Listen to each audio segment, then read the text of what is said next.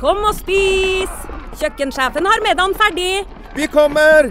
Vi skal bare Åh, det er da så morsomt her på Stiklestad! Ja, men sjøl en god viking må ha både mat og hvile. Og dessuten kan dere nå være noen dager. Velkommen til Scandic Stiklestad. Moderne fasiliteter i historiske omgivelser. Det var her det skjedde. Det er her det skjer.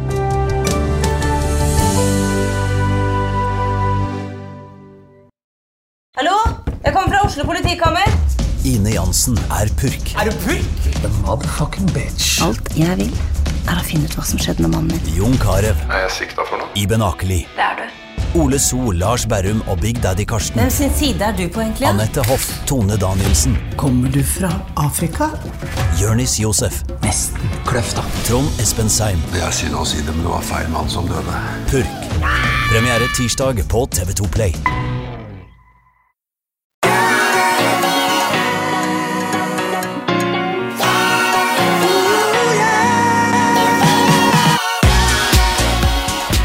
Velkommen til podkasten Hjernesterk.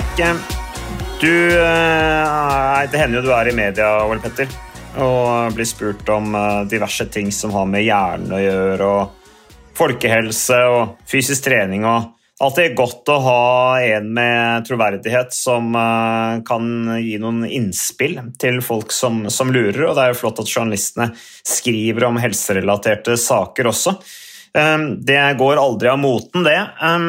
Du har blitt spurt, Ole Petter, av en, uh, en journalist i Aftenposten uh, som har intervjuet noen forskere bak et nytt medikament. Vi har pratet litt om dette Osempic. Det har vært mye snakk om det i media også pga. Uh, Novo Nordisk, selskapet som er produsenten. Det danske selskapet som jo er helt vanvittig enormt. Er det ikke de som lager Osempic, Ole Petter? Du ser litt sånn undrende ut nå. Eh, Nei da, det er helt riktig det. Og Ja. Nomo Nordisk det er jo Danmarks eh, største firma, tror jeg, så vidt jeg vet. Det står for en eh, veldig stor del av faktisk om... Altså det er virkelig en stor aktør i den danske økonomien. Det er et stort legemiddelselskap som har spesialisert seg på diabetes, og da kanskje spesielt diabetes type 2, som jo klart flest lider av. Så, så der går det en kule varmt om dagen. Disse legemidlene som de utviklet for å behandle diabetes type 2, det viser seg nå at de også er svært effektive for å redusere vekt. Og da har vi jo plutselig en gigantisk målgruppe, ikke vi, men Novo Nordisk. eh, 60-70% av nordmenn og innbyggerne i de fleste vestlige land har overvekt eller fedme. Det er blitt en nasjonalsport å prøve å gå ned i vekt. Og disse legemidlene er veldig effektive, så eh, de selger som varmt hvetebrød. De kan jo ikke kjøpes direkte over disk, men eh, leger skriver det ut, og pasienter påvirker selvfølgelig legene til å skrive det ut også. Men det medikamentet vi har pratet om, eh, Ozempic, men det medikamentet som det er snakk om her, som du ble spurt om, Petter, det er et, et annet produkt eh, som har vist seg å gi effekter lignende hard utholdenhetstrening, altså uten at man egentlig har trent. Og det høres jo eh, helt fantastisk ut for sofasliteren som hater å være utendørs og hater å være i fysioterapeut. Det skal bl.a. øke metabolismen og fettoksidering. Eh, Og det kan også da være med å motvirke kroniske hjernesykdommer og gir eh, mottakerne vesentlig bedre utholdenhet. Det her høres så helt utrolig ut, Ole Petter. Hva mer vet du om dette nye produktet? Det heter SLU-PP, altså slup. SLUP? Slupp 332. Eh, Det er tingen fremover, altså, å skaffe seg. Ja, jeg tror vi forgriper begivenhetenes gang litt her. Eh, Jeg tror vi skal eh, helle litt kaldt vann i blodårene her før vi tar helt av. Altså, dette er jo da kjent på folkemunne som en treningspille. Og bare så det er sagt, dette er ikke noe nytt. Eh, I flere tiår så har man lett etter molekyler eller mekanismer i kroppen som kan etterligne trening. Og Det handler om at vi vet veldig godt hvor utrolig effektivt det å trene og bevege seg er for helsa. For alt fra fysisk helse, mental helse, livskvalitet, ikke minst hverdagsfunksjon. Og så vet vi samtidig at en eh, majoritet av befolkningen er inaktive, og i kjølvannet av det så følger det jo en haug med lidelser Eh, Veldig dyrt samfunnsøkonomisk osv. Dette har vi snakket veldig mye om. Så det er ikke unaturlig at man leter etter disse eh, exercise mimics, som det heter. Altså rett og slett molekyler som etterligner effekten av trening. Og så er det jo fort gjort å tenke herregud, altså, hva er det vi driver med? Så nå er det ennå en sånn quick fix eh, hvor vi skal finne enkle løsninger på komplekse problemstillinger. Eh, folk gidder ikke å bevege seg, så da leter vi etter en pille som gjør jobben. Og, og, og det kan man for så vidt eh, rettferdiggjøre at en del tenker. Jeg skal bare litt sånn historisk tilbakeblikk. da, så Aller først er ikke dette nytt. Eh, Allerede på 90-tallet så fant man eh, molekyler som hos rotter og mus viste seg å være svært effektive for å bedre formen og redusere vekten til disse rottene og musene uten at de beveget seg noe særlig. Altså rett og slett eh, legemidler som eller kjemiske stoffer som man ga det til rottene og musene, så ble de i bedre form uten å gjøre noe som helst. Mm. Og da var jo denne tanken om en treningspille født. Og et av disse legemidlene, eh, eller kjemiske stoffene, molekylene, da, eh, som ble funnet på 90-tallet, gikk til og med så langt at de gikk over i kliniske studier på mennesker. Det vil si at Man testet det på rotter og mus, viste seg å ha fantastiske effekter, gjorde at musklene de fikk mer muskelstyrke, de fikk flere utholdende muskelfibre, mengden oksygen som ble omsatt i mitokondriene inni musklene økte, de fikk bedre, de gikk ned i vekt, disse rottene og musene, uten å bevege seg noe særlig. De fikk bedre insulinfølsomhet, en haug med positive effekter. Nesten alt det trening gjør. Ja, men langt fra alt, altså. Men Nei. en del av de viktige tingene trening gjør.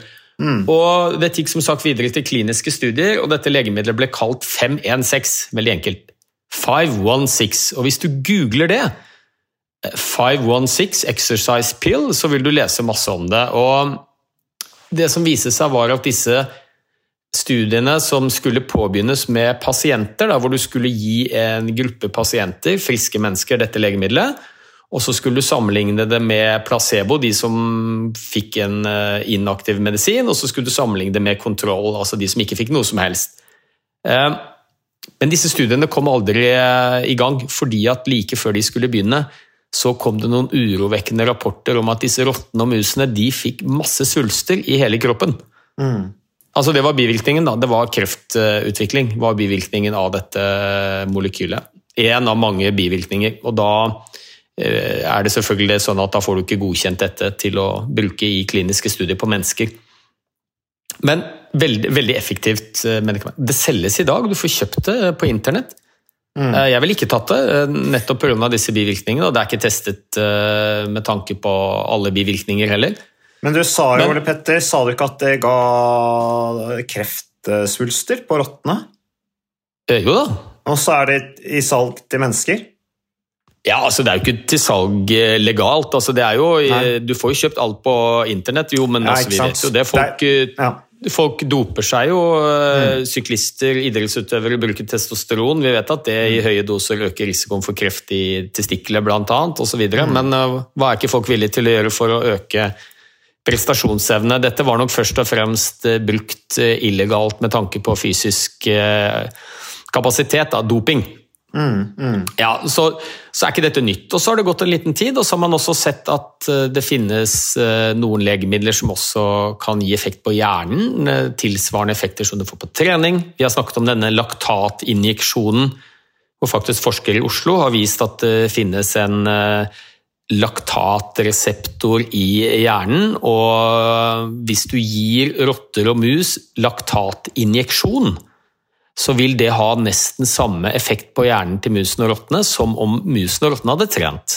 Ja, Eh, igjen igjen så vet vi ikke nok om bivirkninger, og dette er en injeksjon osv. Så, videre.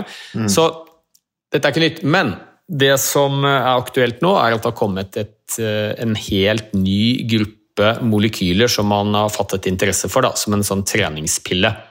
Og de har et fryktelig langt og vanskelig navn. Nå eh, ga du meg navnet på det man har kalt legemiddelet, men disse reseptorene heter estrogen receptor related receptors. Høres helt rart ut, selv for meg som jobber med mye av dette. ERRS. Dette er altså noen mottakermolekyler som finnes i forskjellige områder i kroppen, og som man i utgangspunktet tror handler om eh, omsetning av østrogen, altså det kvinnelige kjønnshormonet. Og så viser det seg da at når du gir eh, dette Når du stimulerer disse reseptorene, eh, som man kan gjøre nå kjemisk, bl.a. med det stoffet du nevnte i sted, så får du mange av de samme effektene som ved trening. Det er bl.a. vist at du får økt muskelmasse, du får økt mengde det vi kaller oksidative muskelfibre, altså utholdende muskelfibre. Eh, omsetning av eh, oksygen, mitokondrie, mengden mitokondrie øker, du lager mer ATP, som er energi. Det bedrer insulinfølsomhet, rottene går ned i vekt, og det kan være med å forebygge i dyremodeller, vel å merke, diabetes type 2. Det Høres jo veldig fint ut. Det høres veldig fint ut, men uh, det er liksom Ja, uh, det, det, blir jo relativt lokale gevinster, blir det ikke det, Ole Petter? Det blir jo ikke den helhetlige effekten og gevinsten som eh, fysisk aktivitet eh, gir. Altså, eh, rent sånn fysisk så kan det skape gevinster. Det kan kanskje skape noen mentale gevinster også. Men om jeg ikke har misforstått helt, så er det vel veldig sånn lokalt tilpassa. Så det er jo, det er jo ikke noen erstatning allikevel.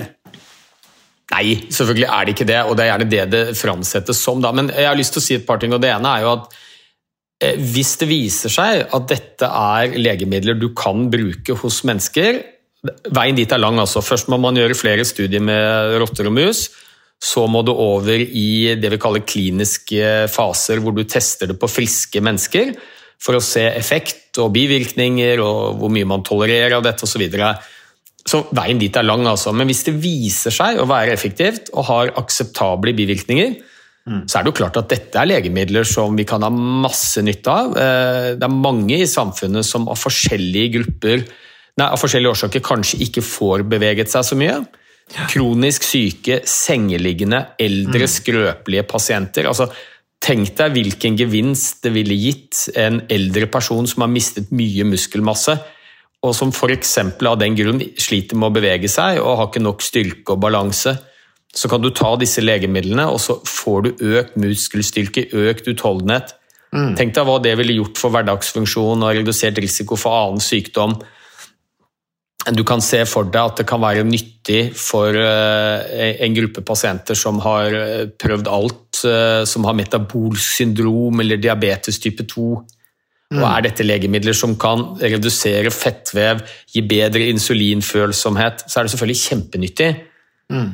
Men i mitt hode så tenker jeg at dette her vil aldri kunne erstatte fysisk aktivitet. Eh, og det er jo sånn at når vi er i fysisk aktivitet, så vil så godt som alle celler i hele kroppen påvirkes. Det blir økt blodsirkulasjon til mange viktige organer, det settes i gang en haug med kjemiske reaksjoner Eh, sannsynligvis tusenvis, mm. som er ansvarlig for alle de gode effektene fysisk aktivitet har på helsa vår.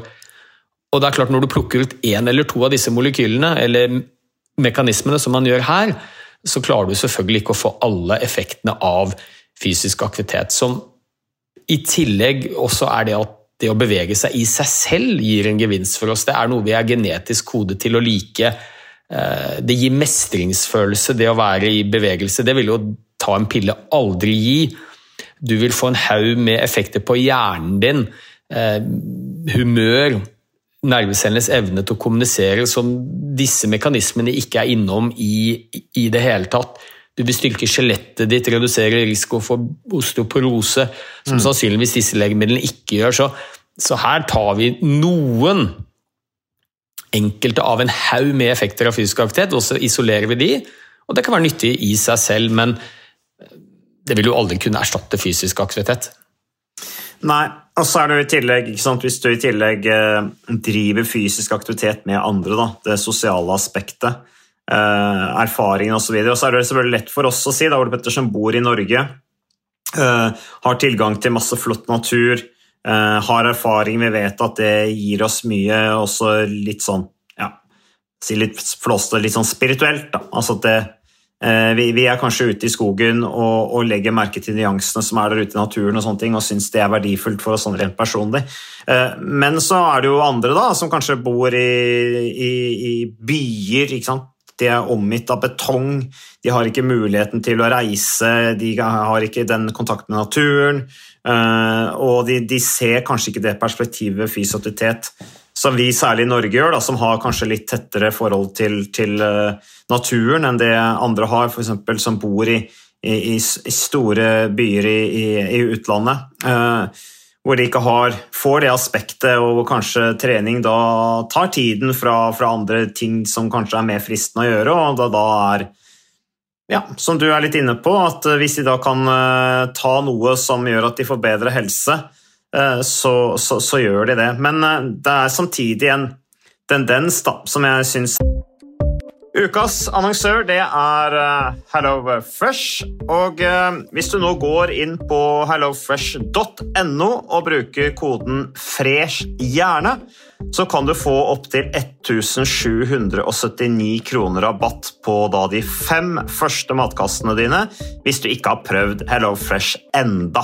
Og Ole Petter, vi er jo glad i Hello Fresh i podkasten Jernsterk, selvfølgelig fordi at de er en annonsør. De er med og bidrar til å spre det glade ordet om fysisk aktivitet og god helse. Men i tillegg så har jo vi også nå lang erfaring med Hello Fresh eh, selv. Så vi må jo si at det har vært gode erfaringer til nå. Ja, absolutt. Visste du Mats, at HelloFresh er faktisk verdens ledende matkasseleverandør? og Tilbudene til HelloFresh gjør det enkelt å lage gode og varierte retter som skaper matglede. Og matglede vet du, det er like viktig som hva du putter i munnen. Det å spise mat med folk du trives med. Så gjennom 25 nye og inspirerende retter hver uke så bidrar HelloFresh til dette. Du kan bestille ekstra porsjoner om du får gjester, eller hoppe over uke hvis du f.eks. skal bort. Mm. Og Det er ingen bindingstid, og du velger leveringstidspunkt og dag selv, så leverer Hello Fresh matkassen din akkurat når det passer deg. Ikke dårlig, Mats.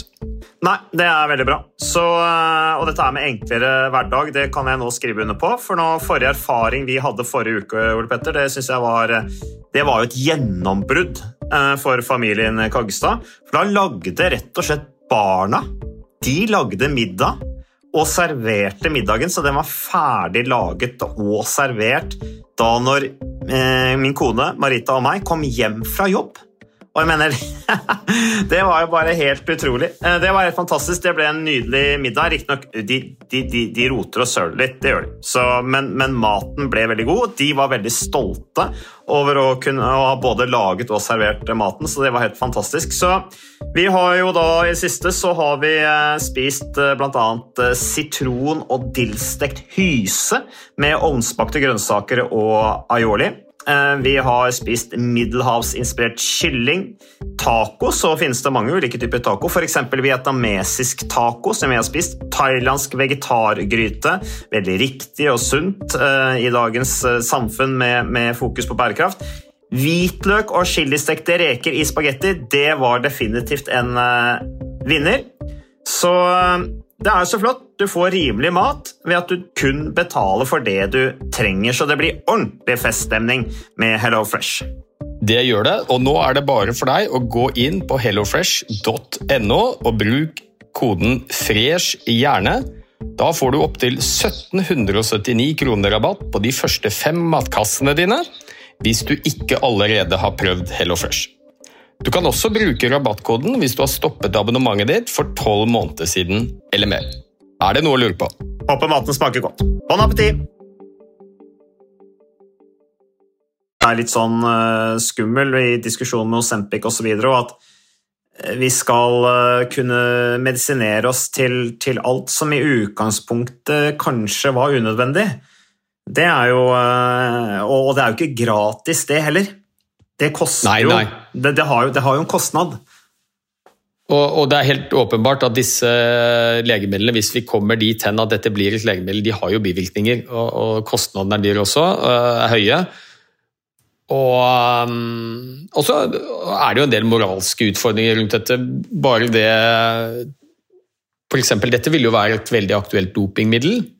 Eh, skadde på dopinglisten, er klart idrettsutøvere som alltid har eh, brukt det som er tilgjengelig av, eh, av, av muligheter for å øke prestasjonsevnen sin, så er det klart at dette her ville jo vært helt uovertreffent. ikke sant? At du får mer muskelstyrke, mer utholdenhet, øker omsetningen av oksygen i mitokondrier. Det er klart dette vil gjøre masse for fysisk yteevne.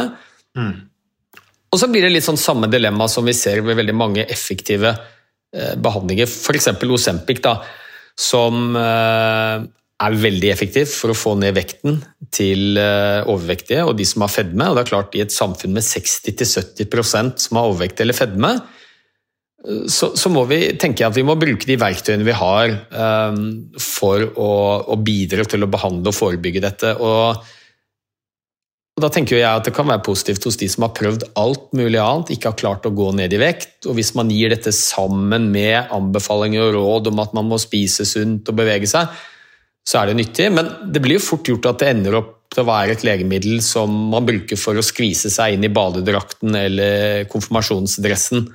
Eller, ikke sant? Sånn at du, du, bruker disse legemidlene kanskje på en måte de ikke er tiltenkt.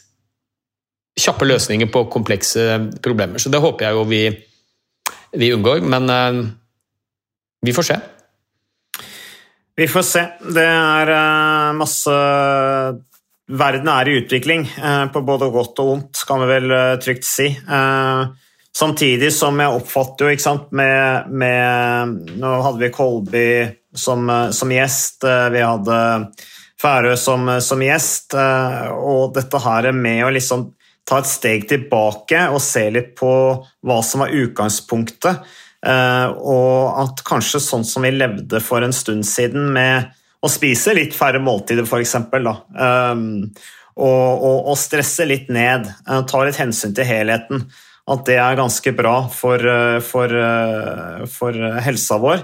Og at vi rett og slett får det bedre, får mer energi og, og yteevne av det. Så mm, det er eh, mange veier til Rom, som det heter, men, men aktivitet går aldri av moten, Ole Petter. Nei, det gjør ikke det. Så jeg tror jo ikke disse pillene kommer til å erstatte fysisk aktivitet. Jeg syns det er spennende, og sånn fra et sånn forsker- og fagnerdperspektiv så er det jo en annen eh, veldig fin ting her, og det er jo at eh, jo mer innsikt vi får i mekanismene bak eh, hvordan trening virker, jo større sannsynlighet er det for at vi kan få dette inn som en behandling i helsevesenet. Og I dag så er det fortsatt mye vi ikke vet. Alle vet at det å bevege seg er bra. Det fører til en rekke fysiologiske endringer i kroppen som gir redusert risiko for sykdom, det øker funksjonsnivå, det er bra for mental helse.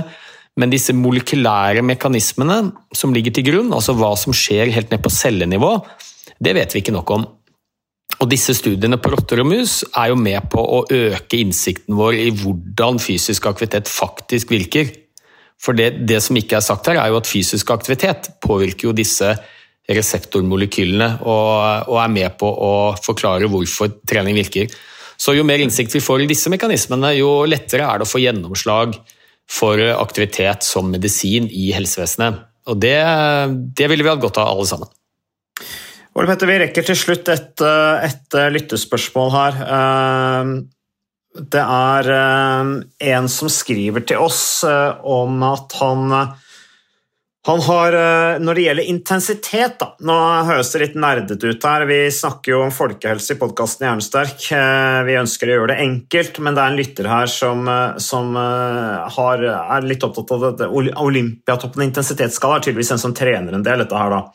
Og at intensitetssone 1, sånn fra av skolen i norsk idrett, så er det liksom, det er rolig langkjøring. At det er den man skal ligge på. Uh, og så ligger han her, når han er ute og trener, skriver han, uh, ligger på rundt sone 3 og 4. Eh, helt feil, skriver han, jeg vet det, men det er jo ikke noe gøy å sykle i sone 1. da kommer jeg meg aldri hjem fra jobb, skriver han. Um, men ulempen er selvfølgelig at jeg kan ikke sykle mer enn to dager i uken til jobb i det tempoet. Det blir for intenst, mener han da. Eh, og så har han tydeligvis satt seg litt inn i ting. Da. Eh, han skriver bl.a. om eh, Inigo San Milan. Han har tydeligvis vært ute og sjekka litt. eh, som jo er treneren til Tadej Pogacar i dette UAE-laget. Tadej Pogacar er jo eh, verdens beste syklist. Um, og Der sier han Inigo San Milan at sone 2 det er intensitetssonen til Tadje Pogacar, hvor han ligger mye. da. Uh, men Ole Petter, jeg tror, vi, jeg tror, ikke jeg skal lese mer, jeg tror vi skjønner greia her, men man, den del mosjonister ønsker å gjøre tinget til boka. Den norske idretts-, altså treningsskolen står høyt. Der er dette med sone 1, eh, altså rolig trening er rolig trening, og høy, altså, terskeltrening, høyintenstrening, det er eh, det skal man, ha, det, man skal ha de atskilt. Men så er det der, der i utvikling, og det er klart at når du er en mosjonist Forskjellen da på en toppidrettsutøver som blir fulgt opp gjennom Olympiatoppen, og en mosjonist, er jo at en toppidrettsutøver trener jo enorme mengder som en mosjonist aldri vil være i nærheten av, og da blir det mye viktigere å skille intensitetssonene fra hverandre. Det er det første. Og så er det klart, Tadej Pogasjar um, han har jo en enorm motor. Uh, og, og, og, lagt seg opp et enormt grunnlag også over mange år, og har jo også en helt annen mulighet til restitusjon osv. Så, videre. uh, så jeg tror at hvis vedkommende her ligger på sone 3 eller sone 2, 3, 4 det spiller ikke så stor rolle. Eh, jeg tror at eh, man, Du har vel snakket om det, du også, Petter. Jeg har også sagt til flere. Jeg vet at Marit Bjørgen snakker om tredelt intensitetssone, altså 1, 2, 3. Pratefart, middels og hardt. Jeg tror det er det man skal holde seg til, men spørsmålet er hvor mye, hvor høy Høyt opp i intensitet kommer du før du virkelig begynner å produsere mye syre. Og en vanlig mosjonist klarer uansett ikke å sitte så veldig lenge på den intensiteten der, så det er ikke noe kjempestort problem. En veldig godt trent person kan sitte over lang tid og akkumulere veldig mye melkesyre over tid. Eh, da må man skille mer, mens en vanlig mosjonist det stopper seg liksom litt selv, tenker jeg. Eh, jeg vet ikke hva du tenker om det? Jo, altså Her må vi jo skille litt mellom snørr og bart. Altså, hva, hva, hva, er det egentlig vi snakker om? Hvis vi, hvis vi snakker om uh, prestasjon, altså hvordan skal man trene for å prestere best mulig i en eller annen utholdenhetsidrett, så er det åpenbart at intensitetsstyring er viktig. At man må trene med forskjellige typer intensitet, og den ja, en sånn Og det tror jeg alle vet, at skal du trene rolig, så bør det være rolig. Og når du virkelig skal trene hardt, så bør du trene hardt og ligge i høyere intensitetssoner. Og så tror jeg for mange det kan fort bli en sånn suppe hvor man, eh, det blir litt for hardt når det skal være rolig, og så er man da ikke nok uthvilt til å trene skikkelig hardt når man skal trene hardt. Og, mm. Men det gjelder for så vidt helse også. At eh, den aller største helseeffekten den får du ved å, iallfall i, i noen av øktene dine, ha høy belastning, altså høy intensitet. Dvs. Si jobbe med 85-90% av makspuls. Ehm, og da må man passe på at når det skal gå rolig, så må det gå rolig nok. Pratefart. Og Der tror jeg mange synder. Men altså når det gjelder helse, så er jeg veldig opptatt av at det er ikke noe stort folkehelseproblem i Norge at vi trener med feil intensitet. Nei. Folkehelseproblemet er at vi kommer oss ikke opp av sofaen. Så er du en som er opptatt av å bevege deg for å ha det artig, for å få god helse, så er og om du ikke klarer å holde deg på de eh, sone 1 når du skal sykle til jobb, eller sånn, altså drit noe i det, bli nå heller litt mer sliten. Du får en kjempegevinst. Eh, og Bare pass på at du ikke sliter deg ut og du merker at treningen eh, stjeler mer enn den gir. Da kan du tenke seg at det er lurt å, å kutte litt ned. Og jeg er mye mer opptatt av at vi gjør det vi syns er litt gøy. Eh, mm. og, og, det gjør ikke noe om du ligger i en litt høyere intensitetssone. Og det er den praktiske ting òg. Klart skal du sykle til jobb, jeg har det jo sånn jeg òg, jeg sykler tre mil til jobb eh, flere ganger i uka. Og hvis jeg tenkte at nå skal jeg ligge i sone én, da fader, da måtte jeg stått opp en halvtime før og sannsynligvis kommet for sent på jobb. Mm. Så blir det heller til at man sykler litt, litt kjappere. Uh, ja, som sagt, jeg, jeg tror ikke det, det, har noe å si. Og når vi begynner å snakke om det kan være veldig interessant akademisk, og for de som har som mål å prestere mest mulig, da, da er dette med intensitetsstyring viktig. Men for folk flest så er det viktig, viktigere at man kommer seg ut og gjør noe, enn at man tenker for mye på disse pulssonene, altså. Eller intensitetssonene. Ja. Og så tror jeg det er litt med den moderne utviklingen òg, at, at, jeg ser jo blant de beste prosyklistene de kjører på ganske høy belastning mye. Eh, og jeg tenker at det er kanskje en litt sånn moderne utvikling innenfor utholdenhetstrening òg. eh, som, eh, som har begynt å, å, å, komme. Og det tror jeg bare mosjonister skal eh, Det der med, som du er inne på, Petter, å sitte og kjøre på sone 1 fordi at det har man sagt fra gammelt av i norske treningsskolen, det, det, det, er ikke praktisk gjennomførtbar for en mosjonist. Det er ikke nødvendig heller for en mosjonist som ikke trener så store mengder, og som heller ikke trenger å ta hensyn til periodisering i forhold til toppform. Det er også viktig. ikke sant? En mosjonist, ja, ja. om du er i i form i juli eller i oktober altså det, det spiller ikke så stor rolle. Um, så i, i, motsetning til disse gutta som, som, som, har et enormt press på seg for å være i form akkurat den dagen hvor de skal kjempe om OL-gull, eller den uka de skal sette inn det avgjørende støtet i Tour de France, eller når det måtte være. Så ja, nei, dra ut og kos dere på trening. Det er vel vårt ja. budskap. Ja da, og så er det jo Men det har, jo, det har, jo, skjedd en endring siden jeg drev aktivt og løp. Da var det sånn at da var det mer eller mindre opplest og vedtatt at du skulle ha mye mengdetrening. Jeg trente for maraton med relativt lav intensitet, pratefart. Og så skulle du ha et par-tre intervalløkter i uka, kanskje. Og så en lang, lang, rolig eh, løpetur. Og så leser vi jo nå om Dette startet vel Kanskje mest med Marius Bakken, som uh, hadde norgesrekorden på 5000 helt til uh, Jakob stjal den for en liten tid tilbake. Uh, hvor han begynte å trene mange intervalløkter i uka, langt langt flere enn par-tre stykker. Kanskje til og med flere sånne såkalte terskeløkter om dagen. Og Dette er jo mye av den treningen som Ingebrigtsen-gutta har adoptert fra nettopp Marius Bakken. Og så hører jeg en del mosjonister og folk som er opptatt av helse, som sier ja, jeg skal begynne å trene som Jakob Ingebrigtsen. Da er mitt tips ikke gjør det, eh, fordi at sannsynligvis er ikke det så veldig bra for helsa. Fordi du må huske at Jakob Ingebrigtsen, hele hans liv er innrettet etter å prestere. Alt er tilrettelagt for at han skal kunne trene alle de øktene han skal, for å bli mest mulig, best mulig. Han har ikke små barn, han står ikke opp eh, med gråtende unge midt på natta, han har ikke en vanlig jobb han må på og arbeidsoppgaver utenom. Alt er tilrettelagt. Og det er klart at Da tåler du mye mer trening enn om jeg plutselig i en alder av 53 skulle tenke at fy fader, jeg skal trene som Jakob Ingebrigtsen. Jeg hadde jo sannsynligvis kjørt meg helt i senk og blitt innlagt på sykehus. Mm. Ja, og så er dette her med, med intensitet i forhold til altså, eh, om, om, du har en fart hvor pulsen er litt over det den kanskje helst skal ha, så, så er ikke det det er, ikke det er ikke sikkert at du kjører så mye melkesyre i beina av den grunn. Du ligger på en cruisebåt som du kan holde lenge, og som bygger bygger bra kapasitet, det er bra belastning. Så du kommer inn og har brukt mye krefter, og det er jo litt det man skal gjøre med trening, man skal få ut energi. Ja, Jeg syns disse diskusjonene er faglig interessante, men sånn folkehelsemessig så er jo jeg litt bekymret for at vi skal begynne å snakke for mye om alle disse tingene som kompliserer trening. Hva slags type sko skal du ha på? Skal du lande på uh, forfoten? Skal du lande på hælen? Uh, trener jeg riktig? Uh, trener jeg med gal intensitet? La oss ikke komplisere det for mye. Det største problemet er jo ikke at vi trener feil, som sagt, det er at vi ikke trener og beveger oss. og all mulig bevegelse, uavhengig av intensitet som var bra. Om du ikke ligger i den perfekte intensitetssonen, drit i det. Det er viktigere å ha det litt ok og, og trives med det, sånn at du fortsetter å gjøre det. Ja, vi lar det være siste ord. Vi takker for eh, lytteren som eh, sendte inn spørsmål. Det er Frode, heter han. Takk til deg, Ole Petter. Takk til Moderne Media. Takk til våre annonsører, ikke minst. Vi er tilbake med mer podkasten Hjernesterk neste uke.